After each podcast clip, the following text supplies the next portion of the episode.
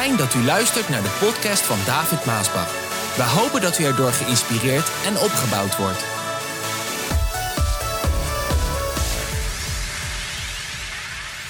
Vandaag gaan we spreken over het verhaal in 1 Koningen 17, 18.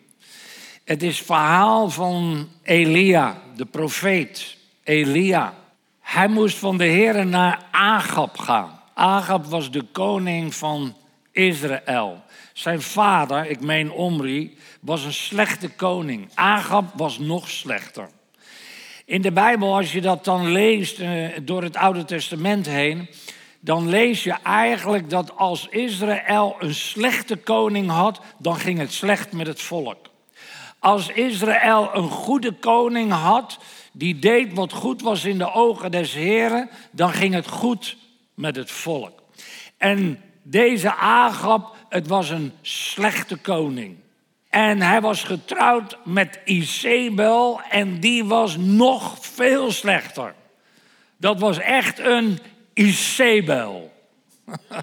ja. Slecht. Zij was ook degene die, die Agab elke keer stimuleerde om het verkeerde te doen. Om de afgodendienst achterna te lopen. Zij was het hoofd ook over 400 priesters van Azaria. Azaria, ja. En dan had je ook nog 450 priesters van Baal. En koning Agab ging natuurlijk over al die priesters. Maar zij was zo die, die, die stimulans erachter. Agab zat gewoon onder de plak van die Isabel. Toen ik hier aan dacht, toen moest ik eigenlijk een beetje denken... vergelijk het maar ook een beetje met Rutte en Kaag. In dat verstandshuwelijk wat zij zijn aangegaan. Sinds hij dat huwelijk is aangegaan, zit hij gewoon onder de plak. Maar zo was het ook met Agap. Och, och, och, wat was dat slecht in die tijd. En het volk ging daardoor ook slecht. Ging de verkeerde kant op, ging de afgoden dienen. En Agap die bouwde tempels voor die afgod Baal en voor die andere. Ayazra, dat is het. En het was zo boos dat God zei tegen Elia: Ga naar Agap en zeg dat het niet meer zal regenen totdat jij zal zeggen dat het weer zal regenen. En Elia die gaat dan naar Agap en hij zegt: Agap, het zal jaren niet regenen tot het moment dat ik weer ga zeggen dat het gaat regenen. Eigenlijk totdat God mij weer zegt dat het zal gaan regenen. En dan zegt God tegen Elia: Elia, ik ga voor jou zorgen, want er komt een grote hongersnood. Er zal een grote droogte komen. En uit de droogte een grote hongersnood. Ik ga voor jou zorgen. Lieve mensen, dit vind ik ook altijd zo'n mooi stukje in dit verhaal. Dat God zorgt voor de zijnen. Als, er, als, het, als het droog wordt op aarde, God zorgt voor de zijnen. Altijd. Hij voorziet in al onze noden naar zijn rijkdom. Ook vandaag, in tijden van moeilijkheden en problemen. En zo, Elia die gaat naar de Bekrit, want daar moet hij heen. Weet je wat nou zo wonderlijk is? Dat God zoveel wonderlijke dingen kan en gebruikt om te voorzien in onze noden. Het komt van links of het komt van rechts, maar hij zorgt ervoor. Echt waar. Dat deed hij ook bij Elia, want hij had gezegd tegen de raven dat zij brood en vlees zouden brengen. Elke dag, s morgens en s avonds. En bij de beekrit kon hij drinken uit de beek. Nou, lieve mensen, is dat een wonder als vogels jou eten brengen in tijden van droogte? En het was zo. Hij, was, hij ging in gehoorzaamheid naar de Bekrit en God zorgde voor hem. Elke morgen, elke avond, vlees en brood. En de vogels kwamen het brengen. En water in overvloed, hij kon drinken uit de beek. Maar de droogte hield aan. En het was zo droog dat zelfs die beek opdroogde. Nou, wat zegt mij dat? Dat zegt mij dat als de Heer voorziet zoals in dit geval de raven, om voor jou te zorgen, dan moet je niet jouw geloof en hoops op die raven hebben. Of op die beek hebben. Want raven gaan dood en de beek droogt op. En dan droogt de bron op. Maar de ware bron is God. En dus toen de beek opdroogde, toen zei de Heer Elia, ga naar een weduwe in de plaats Sarfat. Ik heb gezegd, die gaat voor je zorgen. Zo zie je dat als je op de Heer vertrouwt in tijden van moeilijkheden en problemen, niet de omstandigheden of iemand die jou uithelpt, want daar zijn we toe geneigd als mensen. Iemand komt naar je toe, die geeft je wat en dan denk je, hé, hey, hé, hey, en die gaat voor mij zorgen. Nee, lieve mensen, want die bronnen, die drogen op. Maar God is de ware bron. Hij blijft altijd. En zo hij zegt, ga naar die weduwe. En Elia gaat naar de weduwe. En als hij dan bij die weduwe komt, dan ziet hij haar hout sprokkelen. En dan zegt hij tegen haar, hé hey vrouw, heb je een beetje water voor mij? En zij zegt, ja, oké, goed, ik ga een beetje water voor u halen. Zij zag al dat het een speciale man was. En terwijl zij dan wegloopt, zegt Elia erachteraan: Oh ja, bak voor mij ook even een stuk brood. Ja, toen hij dat zei, toen zegt ze maar: Meneer, alles wat ik heb is eigenlijk nog een klein beetje meel en een klein beetje olie. Eigenlijk een handje meel in de pot en een bodempje olie in de fles, in de kruik. Dat is alles wat ik heb. En, en, meneer, eigenlijk was ik van plan, en daarom ben ik hout aan het sprokkelen, om een vuurtje te maken en dat laatste wat ik dan heb te maken als een maaltijd van mij en mijn zoon en om dan daarna maar te sterven. Want dat was haar gedachte. Het laatste wat ik heb. En dan, ja, dan maar sterven. En dan zegt Elia, nou vrees maar niet hoor. Vrees maar niet. Maak eerst voor mij dat brood maar. En dan zal de Heer ervoor zorgen dat we daarvan blijven eten. En het mooie is dat, ja, dan vergelijk ik dat weer met vandaag, want dat doe ik in mijn preken altijd. Hoe zouden wij daarop reageren? Nou, ik weet wel hoe de wereld zou reageren. Maar zij gehoorzaamde Elia, de man Gods, en, hij, en zij gaf het laatste wat zij had aan de Heer. Nou, ik weet wat de wereld vandaag zou zeggen als ik dat zou leren aan de mensen om de Heer te geven. Ik krijg toch al genoeg kritiek daarop, op het geven. Maar dit is wel wat Elia haar leerde. En zij gaf het als aan de Heer aan Elia. En weet je wat de Bijbel zegt? Vanaf dat moment hield de meel niet op om in de pot te zijn en de olie hield niet op om in dat kruikje te zijn. Wat een wonder opnieuw, lieve mensen. Drie jaar hebben ze met z'n drieën daarvan geleefd. En elke dag opnieuw. Lieve mensen, wat een heerlijk iets als jij thuis een bureau hebt en je hebt een laadje en elke dag ligt daar 100 euro in. Ja, amen. Ja, maar zo, zoiets is het, hè. Eh, je haalt de 100 euro uit nou, laten we het even mooier maken. Vijf briefjes van 100. Die liggen in dat laadje en elke dag pak jij dat uit dat laadje. Het laadje gaat dicht en de volgende morgen zit er weer 500 euro in.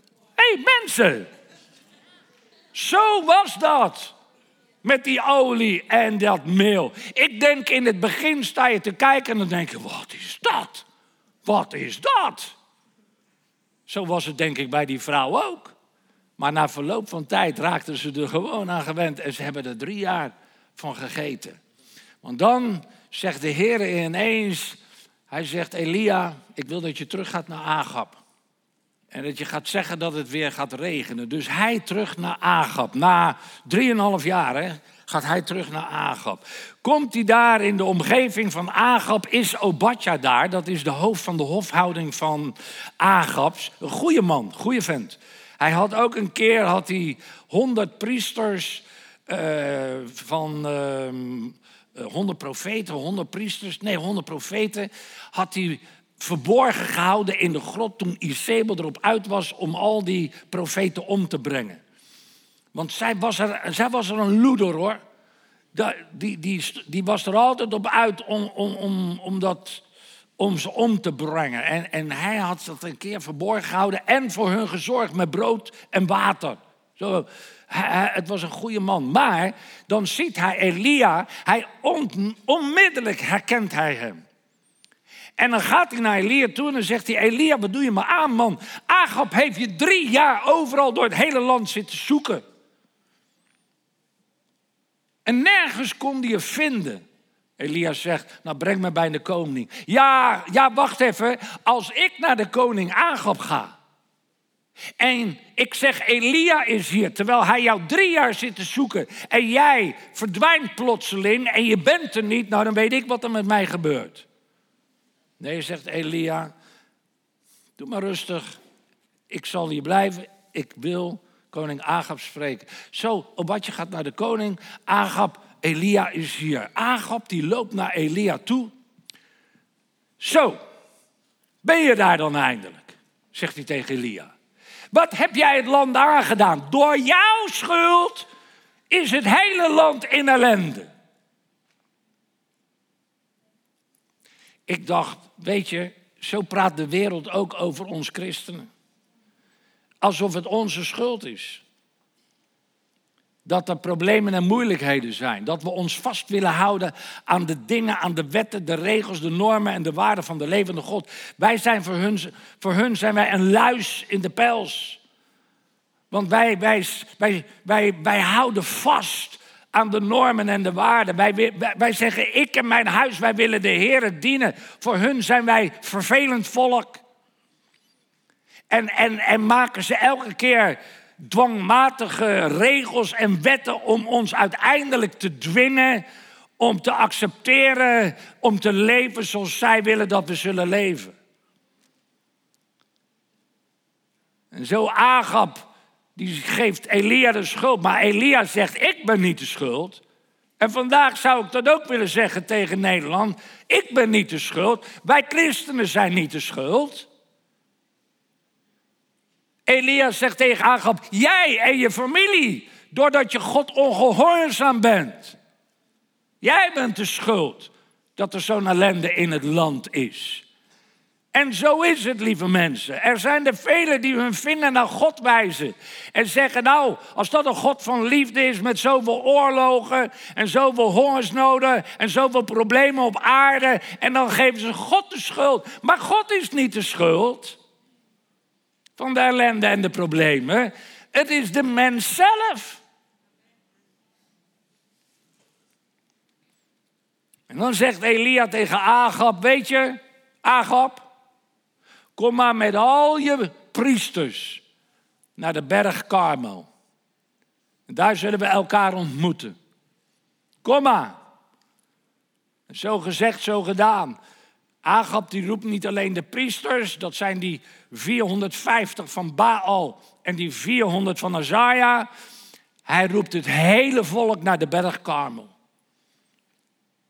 En daar staan ze, op de berg Karmel. Aan de ene kant het volk, de priesters, 850 bij elkaar, Agab en de andere kant Elia. En dan gaat Elia spreken tot het volk. En Elia zegt tegen iedereen, hij zegt, hoe lang hinken jullie nog op twee gedachten? Als Baal God is, dien Baal. En als God God is, dien dan God. Lieve mensen, die woorden, die spraken zo tot mij in dit verhaal, dat ik dacht, Heer, ik ervaar dat u wil dat ik dit zal zeggen, ook tegen het christelijke volk van Nederland. Christelijk Nederland, hoe lang hinken jullie nog op twee gedachten? Als Baal God is, dien Baal. Dat betekent dat al die dingen waar je mee involved bent geraakt, waar je achter staat, wat je de kerk hebt binnengehaald. En voor christenen wat je je leven, je gezin, je huwelijk hebt binnengehaald. Als die God is, dien dan die. Maar als de levende God van Abraham, Isaac en Israël God is, dien dan hem. Het volk was stil. Het zei niks. Het was muisstil. Niemand reageerde. En dan zegt Elia, hij zegt oké, weet je wat we doen? We laten God spreken. Priesters, jullie maken een altaar met hout. Je neemt een stier, je legt het erop. Ik doe hetzelfde. En dan zullen we de God bidden die we dienen. En de God die antwoordt uit hemel met vuur, die is God. O mensen, de Heer weet het. Wat zou ik er naar verlangen als God zich vandaag ook zo zou betonen? Echt. Ik weet, het werkt waarschijnlijk niet op die manier. Maar wat verlang ik ernaar dat God laat zien dat hij echt is en leeft. Aan de wereld, aan die goddelozen, aan de atheïsten, noem maar op. Aan de andere kant, moet ik eerlijk zijn, zeg ik, Heer, wat ben ik blij dat u genadig bent. En dat u niet ingrijpt. Zo gezegd, zo gedaan. De priesters die mochten beginnen. Ze gingen eromheen dansen. De hele dag. Op een gegeven moment gaat Elia zelfs een beetje spotten met uh, die priesters. Maar er gebeurde niks. Ze deden allerlei dingen. Zoals ze in de wereld nog steeds vandaag doen in die Oosterse landen. Ze sneden zichzelf en bloed gutste uit hun. En ze deden, ze riepen, ze knielden, ze dansten. Ze deden alles, zo gezegd. Maar er gebeurde helemaal niks. En lieve mensen, ik, ik durf je te zeggen, vandaag, als je hetzelfde zou doen met al die afgoden, er zal niks gebeuren, want al die afgoden zijn dood. Ze hebben een mond, maar ze spreken niet. Ze hebben ogen, maar ze zien niet. Ze hebben handen, maar die doen niks. Het is dood. En heel veel dienen dode afgoden. En dan in de avond, wanneer het de gebruikelijke tijd is om het offer te brengen, komt Elia. Dan gaat Elia bij het altaar staan en dan zegt hij: Kom, we maken het nog moeilijker voor jullie. We gaan water. Het hele altaar moest bewaterd worden met emmers water. Er werden emmers water overheen gegooid. Nee, er werd een greppel omheen gegraven. En ook die werd, waar het water helemaal heen liep, die, die werd helemaal vol met water. Dat altaar was drijfnat. Er zou niks zijn wat dat altaar zou kunnen doen branden. Niks. En dan gaat hij staan en dan bidt hij. Oh, halleluja, hij bidt. Hij bidt voor het aangezicht van al die priesters, al die goddelozen. En hij bidt voor het aangezicht van het hele volk en de koning. En dan zegt hij: Oh God, laat zien dat u God bent. En antwoord uit de hemel. Laat zien dat ik uw knecht ben. Terwijl hij daar zo aan het bidden is, Plotseling schiet er een vuurvlam uit de hemel en verteert het hele offer op het altaar. Lieve mensen, het hout brandde en zelfs staat er dat het water in de greppel helemaal verdampt was. Het antwoord van God. Wat een overwinning ook voor Elia hier. En dan stopt het niet. Nee, want Elia was maar wel een man, zeg dan geeft hij de opdracht om al die priesters, ja, dat was daar natuurlijk een enorme overwinningseuforie. Iedereen zag het werk van de levende God, dat bracht ook weer geloof. En dat is ook waarom ik zo bid, Heer, doe iets. Dat is waarom ik bid ook voor stromen van zegen. Doe iets waarop de wereld zal zien. Dat wij die leven, ik en mijn huis, wij zullen de Heer dienen. Dat wij niet blind zijn. Dat we niet verkeerd zitten. Dat we juist goed zitten. Hij pakt al die priesters, hij laat ze allemaal oppakken en hij laat ze ombrengen daar bij de beekkrit. Was het krit, ja. Ze werden allemaal omgebracht.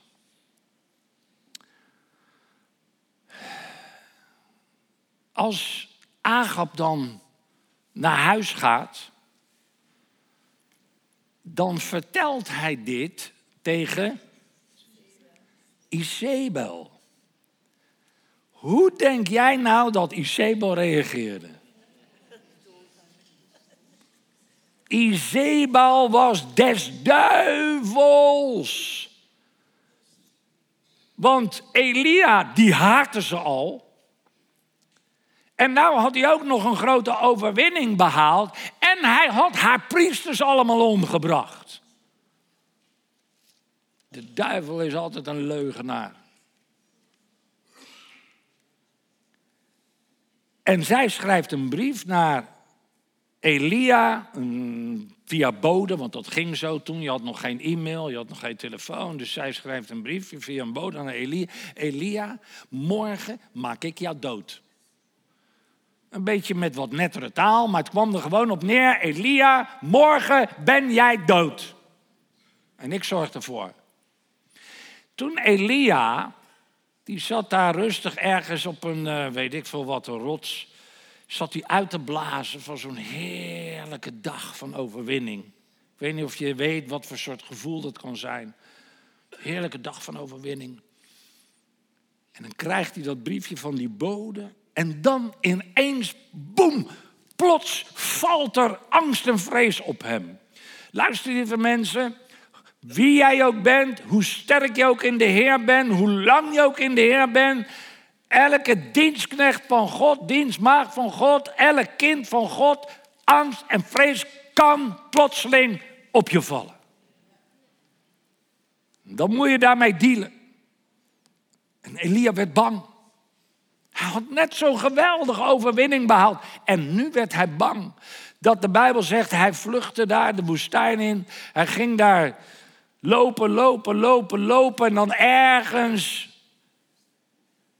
bij een braamstruik gaat hij onder die struik zitten en weet je wat hij zegt? Och Heer, ik heb zo hard voor u gewerkt, ik ben alleen overgebleven. Laat mij maar sterven. Luister, ik wil het niet karakteriseren van Elia, maar zo ging het ongeveer. En ik begrijp hem. Ik begrijp hem. Er kunnen plotseling momenten in je leven komen dat angst en vrees op je valt en dat je gewoon bang wordt. Bang. En dat je eigenlijk zegt, Heer, het hoeft voor mij allemaal niet meer. Laat maar gaan. Kies maar een ander, zoek maar een ander, Heer. Maar... En dan krijg je allerlei excuses en dergelijke. Maar de Heer had nog een taak voor Elia. Dus hij stuurt een engel die bakt een brood. Die geeft Elia, die tikt hem aan, die wordt wakker, die geeft hem wat te eten en te drinken. Elia die komt wat bij en dan zegt hij, kom eet nog wat, want je moet nog een stuk verder. En daar zal de Heer tot je spreken. Zo hij eet en hij drinkt wat en dan gaat hij, uh, ik meen 40 dagen gaat hij verder. En dan komt hij ergens bij een, de berg Horeb in de rots. En dan plotseling, als die dan daar is, dan komt daar een, een hele sterke windvlaag. Zo sterk dat het zelfs de, de bergen doet dreunen. En Elia voelt dat de Heer niet daarin is. Er gebeurt dus iets, maar het is niet de Heer. En dan komt er plotseling een soort van aardbeving. Zo heftig dat ook de berg splitste, rotsen splitsen zich. Maar ook daarin voelt hij, dat is niet de Heer. En dan, en dan gebeurt er nog zoiets van natuurverschijnsel. Dus elke keer van die hele sterke natuurverschijnselen. En dan elke keer is het, maar de Heer is daar niet in. En dan ineens, dan komt daar een heel zacht, een zachte bries, een zachte zuizen van de wind. En het moment dat hij dat ja, niet alleen hoorde, maar ook voelde, ervaarde, ervoer. Toen, toen pakte hij zijn mantel en hij bedekt zijn aangezicht, want dat is waarin hij ervoer dat de Heer was. Zie je, er kunnen allerlei dingen gebeuren maar je zal door de Heilige Geest ervaren of God daar wel in is of niet in is. En als die daar niet in is, dan moet je daar niet naar luisteren. Dat kunnen ook bepaalde stemmen zijn. Zelfs van familieleden of broeders of zusters die jou iets vertellen. En ik heb het meegemaakt. Een soort profetes die, dingen tegen mij zei en ik zei, maar ik ervaar dat de Heer je niet gezonden heeft. Nou, die, die was boos. Er zijn momenten geweest dat ik ergens uitgenodigd werd door een broederraad en dat ik niet ben gegaan omdat ik ervoerde niet dat de Heer hen gezonden had. Zo, je moet ervaren wanneer de Heer echt tot jou praat. Of echt iets doet wat van de Heer is. Daar moet je dus de Heer in voelen en ervaren. En dat was in dit zuizen. En dan gaat Elia weer praten. En nog een beetje in diezelfde moed.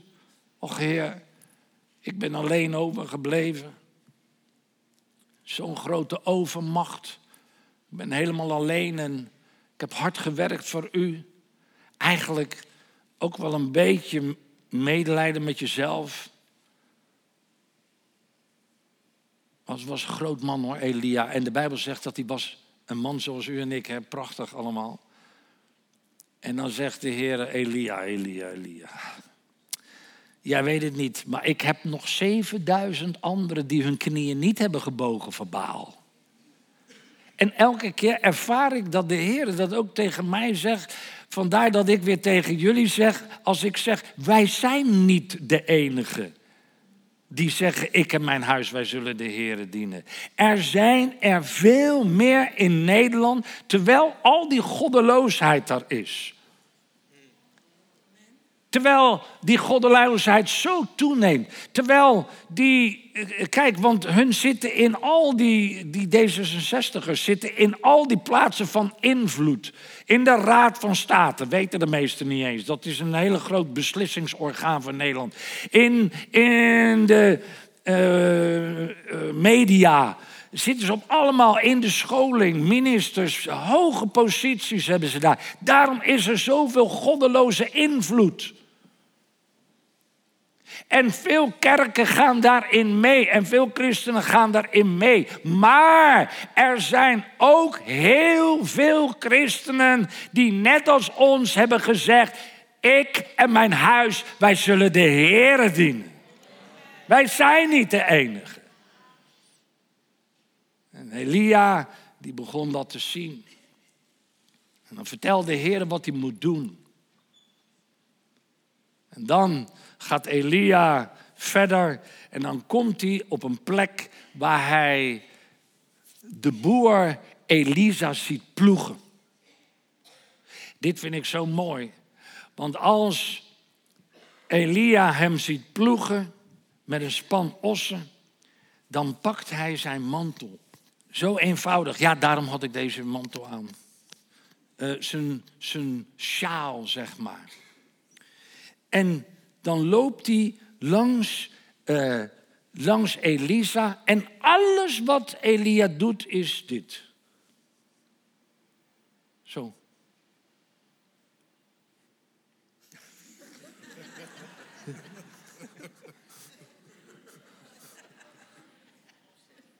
Ja, dat is wat hij doet. Jong en oud, hè? Ja, wij zijn wat ouder, toch? Hè, broeder Muggen? Hoe lang al? 50 jaar. Wat een wonderbaarlijk iets. Dat deed misschien mijn vader 50 jaar geleden bij u. Zo lang geleden. Nou, misschien dit niet, maar de Heer riep u. Wonderbaarlijk, toch? Dat is wat hij deed. Met zijn sjaal. Nou, nou denkt u, oh, dat zou ik eigenlijk ook wel willen. Ze zijn te koop? Nee. Ja, mijn dochters heb ik het al lang gedaan. Als ik John Henry zou zien, zou ik het ook doen. In de mediaroom. In de mediaroom. Kobi, ook al. Meer dan 60. Meer dan 60. Toen de Heer zo deed. Ja, ik zou. Dat is wat hij deed. En je zou zeggen, ja, Elia riep hem. Nee, Elia riep hem niet. God riep hem. En zo roept God ook jou. Weet je wat Elisa deed? De Bijbel zegt. Hij nam zijn ploeg, dat was van ijzer en hout. Hij nam het hout van de ploeg. Hij maakte daar een altaar van. Zijn ossen verbrandde hij daarop als een offer aan de Heer en hij gaf het aan, de, aan zijn medewerkers om ervan te eten. Wat wil dat zeggen? Dat wil zeggen, hij verbrandde alle schepen achter zich. Want die ossen waren zijn, waar hij mee verdiende, waar hij, waar hij brood mee op de plank bracht. En hij slachtte het en hij gaf het aan de Heer, als we het even over offeren hebben. En het laatste wat je hebt. Dat is wat hij deed. En hij volgde Elia. Lieve mensen, als jij zo iemand bent. En je weet dat de Heer je geroepen heeft. Voor sommigen is het de hoogste tijd om je ossen te gaan verbranden. Op het altaar te leggen, aan de Heer te geven en Hem te volgen. Dat betekent dat je alles prijsgeeft. Niemand heeft verlaten, vader, moeder, broer, zus, land, akker, huizen, om mijn naams wil. Of je ontvangt honderdvoudig weder in deze wereld en de toekomende wereld. Er zit zoveel zegen vast aan het volgen van Jezus. En vandaag roept Hij jou op om Hem te volgen. En je oog op Hem gericht te houden. De dingen van de wereld prijs te geven. Lieve mensen, je zal zo gezegend worden. En dit begrijpen. Wie zijn die mensen niet? Dat begrijpen ze niet. Dat laat ik verder aan hun. Ik breng het woord, zoals jij dat ook doet. Het is aan hun hoe ze erop reageren. Maar ik en mijn huis, wij hebben besloten. Wij zullen de Heer dienen, volgen en gehoorzamen. En niet op twee gedachten hinkelen. We hebben gekozen, een oud lied zegt, ik heb geknield bij het kruis van Jezus en mijn keuze is gedaan. Amen.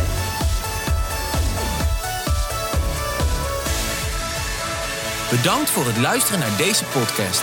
Wilt u meer preken beluisteren? Ga dan naar message.maasbachradio.com. Bezoek ook eens onze website www.maasbach.nl.